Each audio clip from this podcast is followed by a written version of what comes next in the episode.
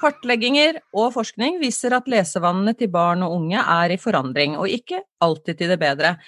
Mange sier at de ikke leser i det hele tatt når de blir spurt om sine lesevaner på fritida. Hva sier det om barn og unges forhold til litteratur og til det å lese? Og hva forteller det om de utfordringene en lærer kan møte når et klassesett med bøker skal leses? For hvor viktig er det at elevene ser på seg selv som lesende? Ja, velkommen hit til lærerrommet. Navnet mitt er Vigdis Alver. Og navnet mitt er Marianne Olsen Brøndtveit. Også denne episoden spilles inn fra forskjellige steder i landet via en digital plattform. I denne episoden så skal vi snakke om bøker, om rasklesing, om langsomlesing, om utholdenhet, litteratur, leseglede og motstand. For bøker og lange tekster konkurrerer om vår oppmerksomhet i en hverdag hvor spill, TV, sosiale medier og kjapp digital underholdning får stadig mer plass. Med oss inn i lærerrommet så har vi Tove Skjern Frønes, forsker ved Institutt for lærerutdanning og skoleforskning ved Universitetet i Oslo. Velkommen til deg. Takk for at vi blir invitert. Og så sier vi også velkommen til deg, pedagog og prosjektansvarlig i Foreningen Les, Truls Posselt. Velkommen. Og la oss starte med hva vi vet og hva forskningen kan fortelle. For det finnes en del dokumentasjon på at leseforståelse og lesevaner til barn og unge er under press. Vi skal ikke legge så stort vekt på, eh, på leseferdigheter her. Men Frønes, den gjennomsnittlige leseferdigheten til 15-åringene i Norge er jo relativt stabilt, sett over tid i alle fall. Det viser bl.a. PISA-undersøkelsen. Men er det like fullt en oppriktig bekymring for langlesningens rolle blant barn og unge, og hva bygger den bekymringen på? Ja, altså I den PISA-undersøkelsen så spør vi om mange ting. Og et spørsmål som vi alltid spør, det er omtrent hvor mye tid bruker du vanligvis på å lese for din egen fornøyelses skyld? Hvor mye leser du uoppfordra på fritida? Og da ble vi i 2018 så ble vi veldig overraska, for da er det altså halvparten av norske 15-åringer, 50% som sier at nei, men jeg, men jeg leser ikke på fritida. Så når vi spør dem hvor mye tid de bruker, så sier de nei, men det er ikke et aktuelt spørsmål for meg. Og det er jo veldig overraskende, for vi vet jo at de leser, vi ser dem jo med de telefonene. Og vi vet jo mye om fritidsaktivitetene deres gjennom de fine undersøkelsene som Medietilsynet har. Så det vi tror de hører når vi spør, det er er du en som har lesing som hobby? Mm. Og det er relativt De som er virkelig storlesere, de som har lesing som hobby, det er ganske konstant. Men vi er jo bekymra for det her av flere grunner. For å rydde unna det med leseferdighet med en gang, så er det jo sånn at det å bare lese litt hver dag, og hver en som ser på bøker som en ting det går an å sette seg ned med, eh, de leser jo veldig mye bedre enn de som rapporterer at de aldri leser. Men kanskje viktigere enn det, tenker jeg på alle de opplevelsene som de elevene går glipp av. Og den berikelsen, for jeg tenker de fleste av oss voksne som lever et liv veldig tett på bøker, det er jo Vi greier ikke å forestille oss uten det. Men er det noen barn og unge man er ekstra bekymra for inni det her? Ja, det vil jeg si. Fordi eh, altså, en, de der store undersøkelsene, sånn som Pearls og, og PISA, de er jo spesielt egnet til å liksom overvåke grupper. Og da er det ikke noe spesielt nytt at vi er litt spesielt oppmerksom på gutter, som i mye større grad sier at de ikke leser på fritida. Og så er det elever fra heimer der bøker ikke har en sentral plass. Og Det kan jo mm. bety at det ikke er så mye bøker hjemme der, eller at det er lite turer til biblioteket, lite prat om bøker. Og det er jo da elever som trenger å få den type opplevelser introdusert en annen plass. Da. Og da er det jo skolen som er hovedarenaen for det. Ja, Du nevnte jo PISA her, og 50% svarte at de leser ikke når de blir spurt. Um, og hva forteller det om, eh, om, om hvordan de unge ser på seg sjøl, eller forteller det noe i det hele tatt? Ja, altså det, er jo, det er veldig interessant. og vi, Nå driver vi med mange studier der vi prøver å finne ut hva er det med det spørsmålet. Burde vært stilt på en annen måte for å fange opp bedre. fordi at Rett etter de har sagt at nei, jeg leser ikke på fritiden, så spør vi dem hvor ofte denne uka har du lest følgende?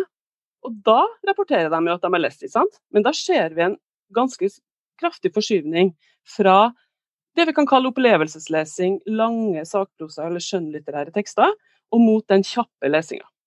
Mm. Eh, gutter og flere og flere og flere av alle elever rapporterer at eh, de leser på nettet.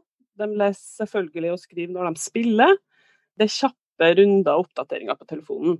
Sånn at jeg er jo ikke bekymra for at de her elevene faktisk ikke tar inn eh, ord og bokstaver og tall, men det handler om hva er det da med den langlesinga som kanskje vi forskere mener har en helt spesiell betydning, eller kan ha det for oss? Men òg helt sånn hvis vi zoomer ut og tenker på oss sjøl, hva er det som beriker mitt liv? Er det den kjappe runden på telefonen om morgenen, eller er det den boka du husker du leste? sant? Så jeg tenker at her um, Truls også Det er det feltet han uh, jobber i, og det er der jobben kanskje bør legges inn nå. Leseferdighetene er veldig gode i Norge. Er bekymra for noen grupper, men det er den generelle måte, lesekulturen som det kanskje er på tide å slå et slag for. Og det er jo her eh, på en måte du kommer inn, Truls Posselt. Foreningen Les hvor du jobber, så ønsker dere jo et øking av engasjementet for lesing blant barn og unge med mange. Dere har jo mange ulike prosjekter og kampanjer ut i norske skoler. Men hvis du skal peke ut noen viktige områder hvor dere ser at det trengs en innsats, hva vil du si utmerker seg?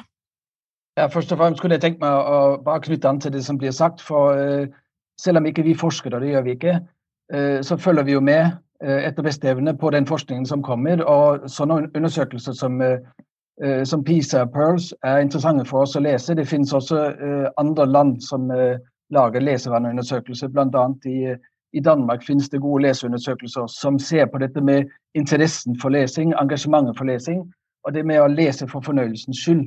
Og det, um, det, henger så nært sammen med, med leseferdigheten også, litt sånn som eh, Tove var inne på. Men det er noe det som jeg også leser ut av den uh, rapporten fra, fra, PISA, at andelen unge som da sier at de ikke leser for fornøyelsens skyld, har steget ganske kraftig uh, siden det de, de siste, de sist ble undersøkt. Og Det er bekymrende, fordi, både fordi det er den sammenhengen mellom uh, å lese for fornøyelsens skyld og leseferdigheter, men også fordi at det betyr da at den lesingen foregår ut fra noen andre premisser. Man leser på en annen måte når man leser med interesse og engasjement. Og Det er noe som vi er opptatt av. Helt fra vi begynte, ble etablert for over sju år siden, har vi vært opptatt av å løfte frem leselysten. Eh, når vi skriver navnet vårt, så skriver vi foreningen utropstegn les. Og det er fordi vi, Da vi ble dannet, så ville vi bort fra en oppfattelse der man sier les utropstegn, altså der man kommer med et bud eller påbud om man leser. Nå må du lese sju minutter, osv. Vi var opptatt av at engasjementet skulle komme først. Og Derfor endret vi litt på eh, rekkefølgen i, eh, i skrivemåten. Der endret vi på autografien og satte da utropstegnet først, for å vise at engasjementet må komme først. Du snakker om engasjementet her, men hva forteller da altså Dere møter jo mange lærere eh, på disse prosjektene dere arbeider med, men hva forteller lærerne dere møter er de viktigste grunnene til at barn og unge ikke leser litteratur i dag? For fornøyelsens skyld. Ja, altså det er klart, den, eh, altså Vi henvender oss jo da til eh, Vi går bredt ut. Vi bruker noe av den eh, kunnskapen som vi finner i forskningen.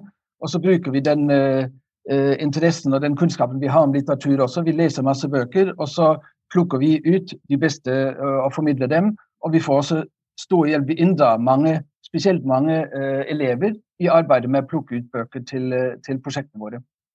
Og så har vi en, jeg tror en 12-13 prosjekter, noe sånt, og nå uh, ca. 300 000 og 350 000 uh, elever uh, med prosjektene våre. Vi trykker opp en del antologier som skal gi smakebiter på litteratur og lyst til å lese mer. Og så har vi også noen prisprosjekter som bl.a. skal løfte frem betydningen av at uh, barn og unge også får si hva de mener om litteraturen. Hva er det de liker, så man kan ta det inn over seg når man formidler uh, bøker til dem. Og så de også kan så det også kan bli bedre samtaler med mer temperatur når de diskuterer hva er det jeg liker. Så bryr de seg. De har eierskapsforhold til egen uh, lesing hvis de da får lov til å mene noe også. Så du vil si at det er deltakelsen fra elevene som på en måte er den største forutsetningen for å få opp dette engasjementet? Uh, det er kjempeviktig, men, ja, men det henger jo veldig sammen også med de personene som omgir elevene. Mm. Uh, og det er klart, når de er små, så er det særlig foreldrene som er de betydningsfulle personene rundt dem. Og Derfor har det mye å si også eh, om foreldrene leser. Om det finnes bøker de, i hjemmet, om bøkene er i, ligger et sted der barna kan få tak i dem, om de får lov til å sitte på fanget når det blir lest høyt, osv. Men Sverre Henmo, han er forlagssjef i Aschehoug barn og ungdom. Han har sagt noen ord om at mye kanskje også handler om måten vi omtaler og bruker barne- og ungdomslitteratur på. Uh, han sier jo blant annet dette, jeg har bare lyst til å sitere han. Hadde vi snakket om film på denne måten, ville ingen ungdom brydd seg om film. Bøker skal forstås og analyseres. I Norsktimene må ungdom svare på spørsmål om hva de har lest. Det er ikke nok å si at de liker den type historier. De må kunne forklare hvorfor. De skal kunne gjenkjenne sjangertrekk og språk i virkemidler, og hadde vi snakket om musikk på samme måte, ville ingen ungdom brydd seg om musikk. Hva tenker du om dette, blir det for mye tran og fornuft rundt litteratur i skolen? Altså det kan det, det kan det bli. Og Det er også en av grunnene til at vi jobber på den måten vi jobber på. fordi at vi sender, Noe av det vi gjør, er at vi sender ut disse hundretusener av antologier til lærere som bestiller dem. Det vil si det er på en måte lærerne som tar initiativet. Samtidig får læreren et klassesett levert på døren gratis og alt det der, som de kan ta med inn i klasserommet, dele ut til elevene. Så er det fullt mulig for lærere å markere en, en slags avstand. Si dette er ikke, det er ikke jeg som har valgt ut disse, men dette er det noen som har gjort i samarbeid med andre elever eh, rundt i Norge. Og Derfor så, så betyr det også at de på en måte kan gå i, på oppdagelse i disse bøkene sammen. Det er ikke sånn så, lærer, så, de, så de, skal være redde for å si, hvis, de, hvis, det er en bok eller en tekst de ikke liker, redde for å skal si, kritisere læreren. Men dette kan de gjøre fritt, fordi dette er noe som, som læreren har fått tilsendt, og fått, uh, som er valgt ut av, av, andre. Hvor viktig er det da med å få fram altså opplevelsen av bare boka, altså som dere snakka om, eh, hva på en måte dere er bekymra for rundt eh, det å fornøyelseslitteratur, altså det å kose seg med eh, en litterær opplevelse? Eh, hvilken grad legger eh, Får man anledning til å legge vekt på dette når man har undervisningssituasjoner rundt det hele? Ja, eh, Det er bra du sier det, fordi det som var poenget mitt i sted, var også at, at man ved den måten å få disse bøkene inn på, så blir det en slags, et element av frikobling fra undervisningen. Mm. Og det vi ønsket med disse, særlig med antologiene, hvor vi har ulike prosjekter, som jeg var inne på, men særlig med antologiene våre, så ønsker vi å gi elevene en smakebit som gir dem lyst til å lese mer. Det er ikke fordi de bare skal lese de tekstene, de skal lese mer. Det er utdrag som er valgt ut ifra at de skal gi interesse, i nysgjerrighet, mm. elevene lyst til å lese mer. Og så skal de, de bøkene selvfølgelig også være tilgjengelige, enten om læreren tar dem inn i klasserommet, om de finnes på skolebiblioteket, biblioteket i nærheten osv. Så, så, videre. Øh, så det er helt, helt, grunnleggende for oss å ha den relasjonen til undervisning. Vi skal på en måte være en slags bro inn i klasserommet, men også en, en bro som går ut av klasserommet, også ut dit hvor man skal kunne finne bøkene så lager vi også lærerveiledninger til, lærerveiledninger til, til prosjektene våre. Sånn at de lærere som ønsker det, kan ta i bruk dette. Og Det gjør vi bl.a. fordi vi har fått forespørsler om det, og fordi de gir oss en mulighet til også å lage opplegg som er i tråd med den, det som forskningen sier trengs for å jobbe med uh, bøker på en artig, interessant, uh, stimulerende, utforskende, kritisk måte. Så derfor tillater vi oss å lage disse undervisningsoppleggene som lærerne da kan ta i bruk hvis de ønsker det. Det er mulig å fordype seg i de tekstene de får, men vi ønsker å holde fast i også at vi, har, vi vil være en bro inn til f.eks. skolebiblioteket, til biblioteket, til andre arenaer der lesing kan, kan foregå. Frønes, og hva vet vi om leseopplevelsen som elever i den norske skolen får i løpet av sin skoletid, sett fra et forskerståsted? Ja, altså Hvis vi begynner med, med rammene for det, for jeg tenker den bekymringen som Sverre Henmo i det sitatet sannsynligvis setter litt på spissen, da, eh, den, den, er vi jo mange som har hatt. Og så er det sånn at når vi fikk Kunnskapsløftet i 2006, som var den nye læreplanen den gang, så har på en måte den brukt nå 15 år på å blitt voksen, og, og vektinga ble litt annerledes da den nye kom i fjor. Det som er kjempeviktig, som um, har kommet tydeligere fram der, spesielt på barnetrinnet, det er jo at vi skal lese for opplevelsens skyld ungene skal ha litteratur som er relevant for aldersgruppa, det er et viktigere prinsipp enn at de skal forholde seg til det vi kaller norsk kanon. Og det her har ligget i læreplanen hele tida, men kanskje har ikke vært så tydelig formulert uh, før nå. Og det er lagt inn egne biblioteksmål, altså på flere av trinnene. Og det Vi skal sikkert snakke mer om uh, skolebibliotek, men det er klart at vi har lyst til å lure alle elever inn i bøker. Både for at vi ser at det gir store og gode faglige bidrag i skolegangen deres, men òg fordi at der har vi en mulighet til å gjøre oss noen erfaringer når vi leser bok. Eh, enten det er om noen som har en fantasivenn, om det er noen som er på en reise eller i en spesiell livssituasjon, så kan vi på en måte gå inn i boka og så kan vi erfare det sjøl, helt konsekvensløst. Så kanskje kan vi ta den taggeturen på kvelden uten at det er vi som blir stoppa, og det får konsekvenser for oss. Sånn at det er her er et, slags sånn eksempel på hva slags personlig berikelse vi er på jakt etter. Men også, jeg tenker, mange av oss har jo lært veldig mye om hvem vi sjøl er når vi åpner en bok. Er jeg den typen menneske, eller er jeg sånn Nei, han identifiserer jeg meg med. Sånn at eh, For å komme tilbake til spørsmålet ditt, så syns jeg jo at rammene for opplevelseslesinga er bedre på en måte i skolen nå. Men så kan vi jo gå over til å snakke om hvordan virkeligheten har dratt seg til de siste 20 åra.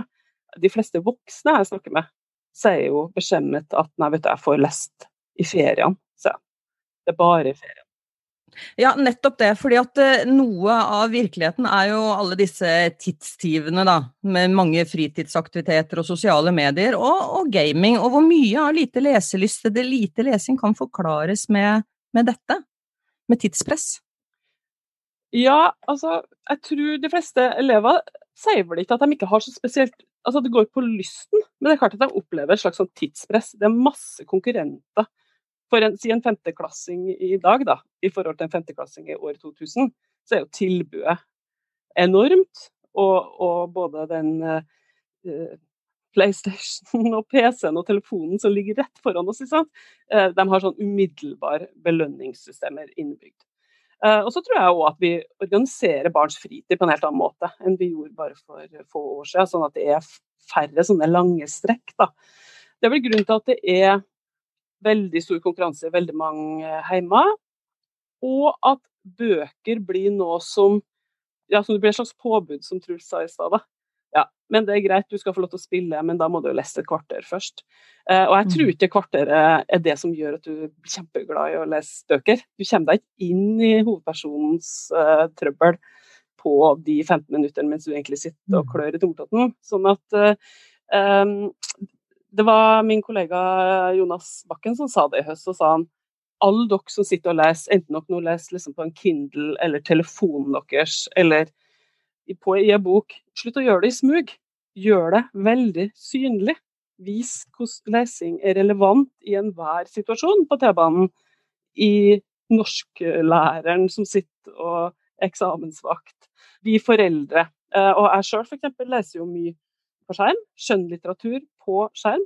Og det vises jo ikke. Ungene vet jo ikke at jeg ikke sitter og spiller Mind, eller hva det nå heter, disse Candy Crush. sånn at det å bli tatt på fersken i lesing, eh, det syns jeg er et veldig godt råd til voksne. Og jeg syns mm. spesielt til menn og fedre. Og der har jo dere, Truls, en nydelig kampanje for kanskje ti år siden som jeg skulle ønske dere tok opp igjen. Mm. Den kan vi kanskje komme tilbake til, men du nevnte jo guttene her eh, i sted, som også er nevnt i PISA, med, med større mm, bekymring. Og hvilke forklaringer finnes det på, på, denne lesingen og gutter, at de leser eh, mindre? En, uh, sliter mer med lesing? Ja, altså, altså, Det er helt sikkert et ganske komplekst årsaksforhold. Vi vet jo noe om, om kognitiv utvikling hos ungdommer spesielt. Altså det, forskjellen på gutter og jenter drar nok på utover mellomtrinnet og på ungdomsskolen. Og, og det gjelder jo f.eks. selvregulering. Det er jo det som er fagbegrepet vi bruker for at du greier å sette et mål, legge til sides underholdninga, jobb målretta og fokusert, utsette nytelse, alle de tingene som psykologene snakker om. Og at, at det er mer kaos i en gjennomsnittlig gutt på ungdomsskolen enn det er jenter, det, det vet vel forskninga. Men, men, jeg er ganske sikker på at kulturelle forklaringer har en stor betydning. og da er det vi snakker mye om skolekulturen. Er det sånn at skolen er tilrettelagt for jenter fra den og den type hjemme? Men, men, jeg tror det er vel så viktig å snakke om uh, familiekulturen. Og mm. er det sånn at det er far som tar seg av fotballtreninga og mor som følger opp leksene, Eh, hvem er det som blir sett med i bok? Eh, hvem er det som snakker om litteratur? For jeg syns det var veldig interessant det Truls sier om men, men, det å være en engasjert leser, hva er det for noe? Um, og det handler jo bl.a. om å snakke mye om bøker. Og la seg irritere og glede. Anbefale bøker til andre. Uh, og, og, se på det som en sosial aktivitet. Og det er jo mange av oss voksne som gjør. Men kanskje er det samtaler som vi ikke har på, som likemenn med de som er unge. Altså, vi snakket jo her om å bli tatt på fersken i å lese bøker. Og dette former og påvirker også vanene til de rundt deg. Er det en bok i hånda som er den beste løsningen for å få dette til? Det er en veldig god løsning. uh, og, eh, og, det gjelder uh, menn som kvinner, det. Uh, men jeg er veldig enig. Jeg har lyst til bare å tilslutte meg det som Tove sier her også. fordi det ble gjort en undersøkelse for noen år siden i England, National Literacy Trust, tror jeg det var som gjorde den som viste at uh, det er forskjell på hvordan vi behandler gutter som leser det, hvilke forventninger vi har til at gutter leser det. De får færre Det skjer sjeldnere at de får bokgaver. De uh, blir sjeldnere tatt med på biblioteket. De, blir, de blir selv, men henvender seg sjeldnere til dem uh, for å snakke om bøker. Og på den måten så finnes det kulturelle føringer som preger interessen for, for gutter, eller interessen for litteratur blant, eh, blant, gutter og for lesing. Og Det er selvfølgelig et sted man opplagt kan, kan, prøve å rette opp. Prøve å gjøre sånne små grep i hverdagen som endrer på dette her. Uh, og så Vi er også opptatt av å snakke frem de guttene som leser.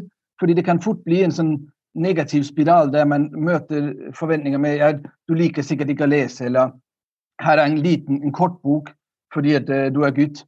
Uh, og, og, Det må man være veldig forsiktig med, fordi da signaliserer man at man ikke har forventninger om at de er interessert i, i bøker.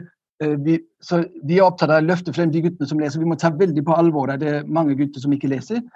Uh, så må vi ikke snakke guttene ned som leser det. Vi må ha forventninger om at de har lyst til å lese. Og så skal vi selvfølgelig også lytte til hva de er interessert i å lese.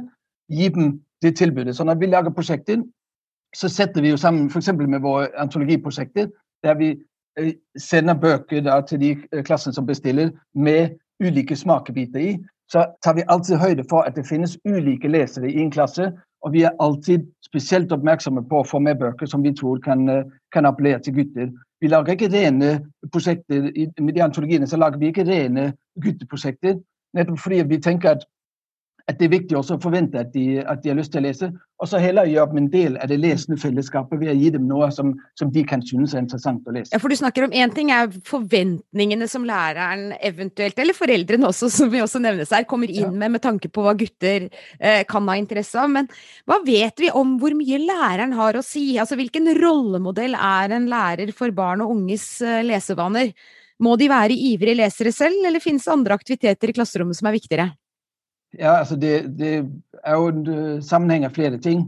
De, det er en klar fordel om det er en lærer som uh, leser, viser at vedkommende er en leser, og som snakker med engasjement om bøker også. Er interessert i hva, hva elevene syns om bøkene de leser osv.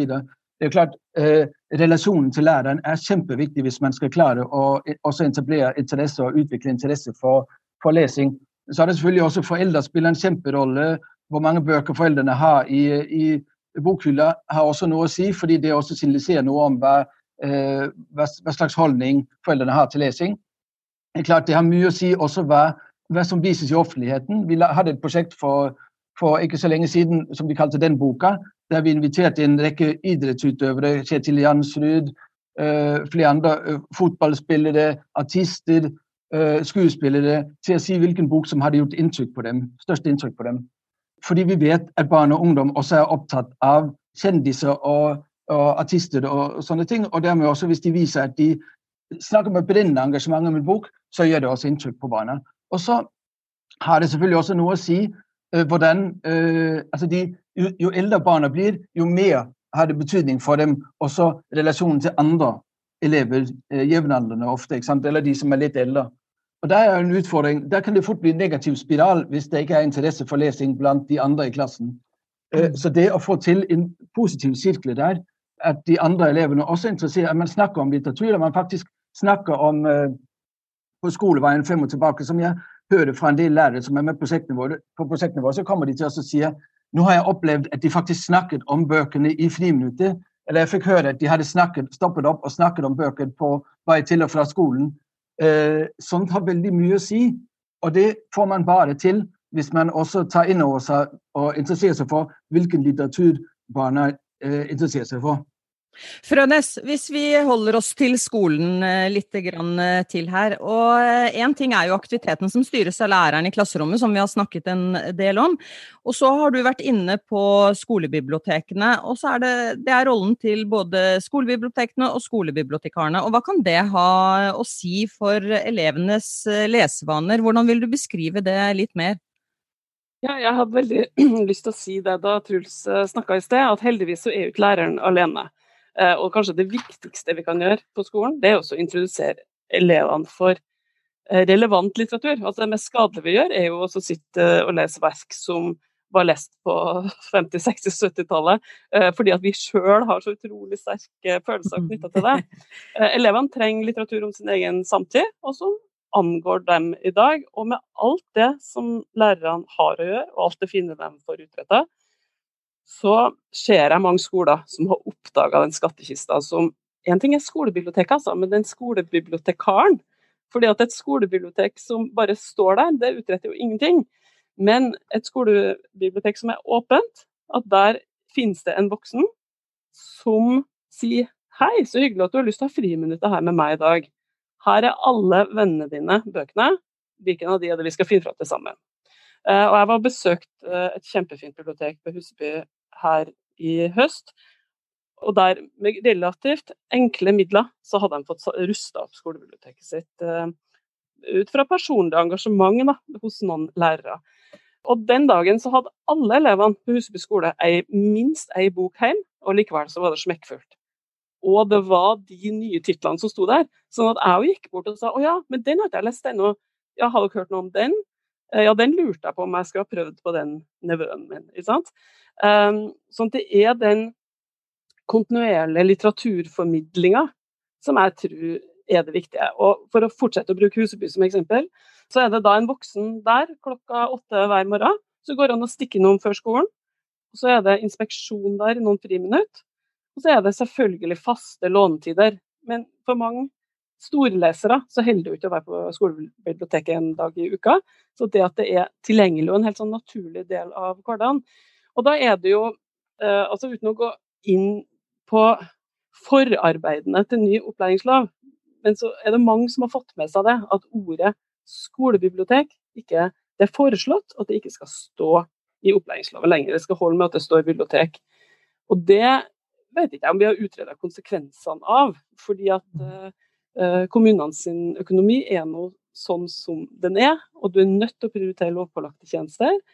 Uh, og jeg ser et utrolig stor forskjell på de skolene som har en levende skolebibliotek tilgjengelig for seg, og de som ikke har det, sjøl om mm. det offentlige biblioteket liker det. Men, men, det er vel, eh, for du snakker om et uh, veldig fint bibliotek her, og det er vel sånn at det er store forskjeller her. og Vil du si at generelt sett det er slik at skolebibliotekene har nok bøker og litteratur som er relevant og spennende nok for barn og ungdom? Man hører jo om skolebibliotek som, som nærmest ber elever om å ta med bøker hjemmefra de ikke har i bruk hjemme, som de kan gi til skolebiblioteket. Ja, eh, her eh, er det på en måte Bibliotekarforeningen som burde ha uttalt seg og beskrevet den store variasjonen som finnes. For den er, det er ikke noe standard for dette. Eh, noen kommuner kan jo ha en standard der de sier at alle våre skoler skal ha en ressursskolebibliotekar, eller de kan si vi skal ha fulltidsbibliotekar som er en integrert del av timene på skolen. Og akkurat sånn som med folkebibliotek, så er det en del plasser i Utkant-Norge som har helt fantastiske praktbygg. Og så er det andre som ikke har oppdaterte bibliotek i det hele tatt. Sånn at jeg tror nok jeg ikke tar i veldig kraftig hvis jeg sier at vi har ikke noe kollektiv satsing, og vi har ikke noen kollektive normer for hva skal standarden være. Uh, og det burde vi ha. Og jeg gjetter at Truls, som har kjennskap til Danmark, uh, kan snakke mye om uh, bibliotekskulturen i Danmark. Og at vi faktisk kan åpne døra litt, da, så skal vi se litt rundt oss. Hva er det som skal til for å lage sånne samlingssteder som vi trenger? Ja, Truls Posselt, helt til slutt, kan du si noe veldig kort, jeg vet det er veldig vanskelig å si kort om det, men Hva vil du si er de viktigste samlingspunktene vi kan skape rundt bøker for barn? Det viktigste, og det, nå, nå blir det nevnt det at jeg har kjennskap til Danmark, og, det henger sammen med at jeg er født og oppvokst der. Men, og Derfor er jeg også ganske godt oppdatert på det som skjer der. og i, For noen år siden så lagde de en lesevaneundersøkelse der. og Et av de hovedpunktene som de trekker ut på første side i den rapporten, det er at det er en felles oppgave Nå siterer jeg da på en sånn blanding av dansk og norsk. Det er en felles oppgave å hjelpe barn inn i en lesekultur og bibliotekskultur. Det er det første punktet som står i de anbefalingene i, i lesevanerapporten som jeg har ved siden av meg her. Så det må se, altså det er synergieffekt man ønsker. da. Og Den synergieffekten får man ikke hvis ikke det finnes et skolebibliotek i nærheten, hvis det ikke er samarbeid med biblioteket, og hvis det ikke er noe man tar opp på foreldremøter øh, osv. Vi er veldig opptatt av å styrke skolebibliotekene. Jeg er helt enig i det øh, Tove sier. Vi jobber aktivt i et nettverk som heter Aksjon skolebibliotek, som nettopp har som mål å sørge for at, øh, at, alle elever i grunnskolen skal ha tilgang på et godt skolebibliotek med kvalifisert uh, bemanning. Og det vi opplever, altså Utfordringen vår er at på flere prosjektene så har vi uh, tidligere bl.a. det prosjektet som jeg jobber med, uh, spesielt med Boksluggerprisen. Da hadde vi tidligere noen forventninger, noen, formulert noen ønsker om at de klassene som søkte seg om å bli spesialjudiklasse, spesialoppdrag, de skulle ha et skolebibliotek på skolen. Det måtte vi rett og slett ta bort fordi det var skoler som ikke søkte fordi de ikke hadde skolebibliotek. Og Vi ønsker å hjelpe både de som har og de som ikke har. Øh, så denne ideen om at vi skulle styrke samarbeidet der, den måtte vi uh, gjøre litt mer fleksibel. Men det er et veldig viktig mål for prosjektene våre. og Det er derfor vi også lager, eller det er en del av grunnen til at vi lager disse antologiene som skal gi elevene lyst til å lese mer, og som er en opplagt anledning også for en skolebibliotekar der, der den, uh, en sånn person finnes, til å komme inn i klasserommet og snakke om de bøkene som er med i antologien. Veldig ofte får vi tilbakemeldinger på prosjektene våre om at ble, den teksten slo an. Det ble kø på skolebiblioteket i etterkant. Og Det er jo uh, både godt og, og, litt vondt, for det er synd at de må stå i kø, men det kan man også iblant lære noe av. Og I tillegg så gir det også skolebibliotekaren en anledning til å si kanskje du skulle lese denne her. Eh, den minner litt om den boka du, du, hadde lyst til å lese. Og så plutselig så utvider man også til å ta i bruk uh, hele skolebiblioteket og få uh, mobilisert de uh, kompetansene som finnes hos skolebibliotekene. Ja, køen på skolebibliotekene det får avslutte denne episoden av Lærerrommet, rett og slett. Og tusen takk til dere, Truls Posselt og Tove Skjern Frønes, for at dere ville være gjestene våre. Tusen takk også til alle dere som hører på Lærerrommet. Husk at du finner alle episodene i kjente podkastkanaler. Vi er snart tilbake med et nytt tema henta fra utdanningsfeltet. Ha det riktig bra! Ha det!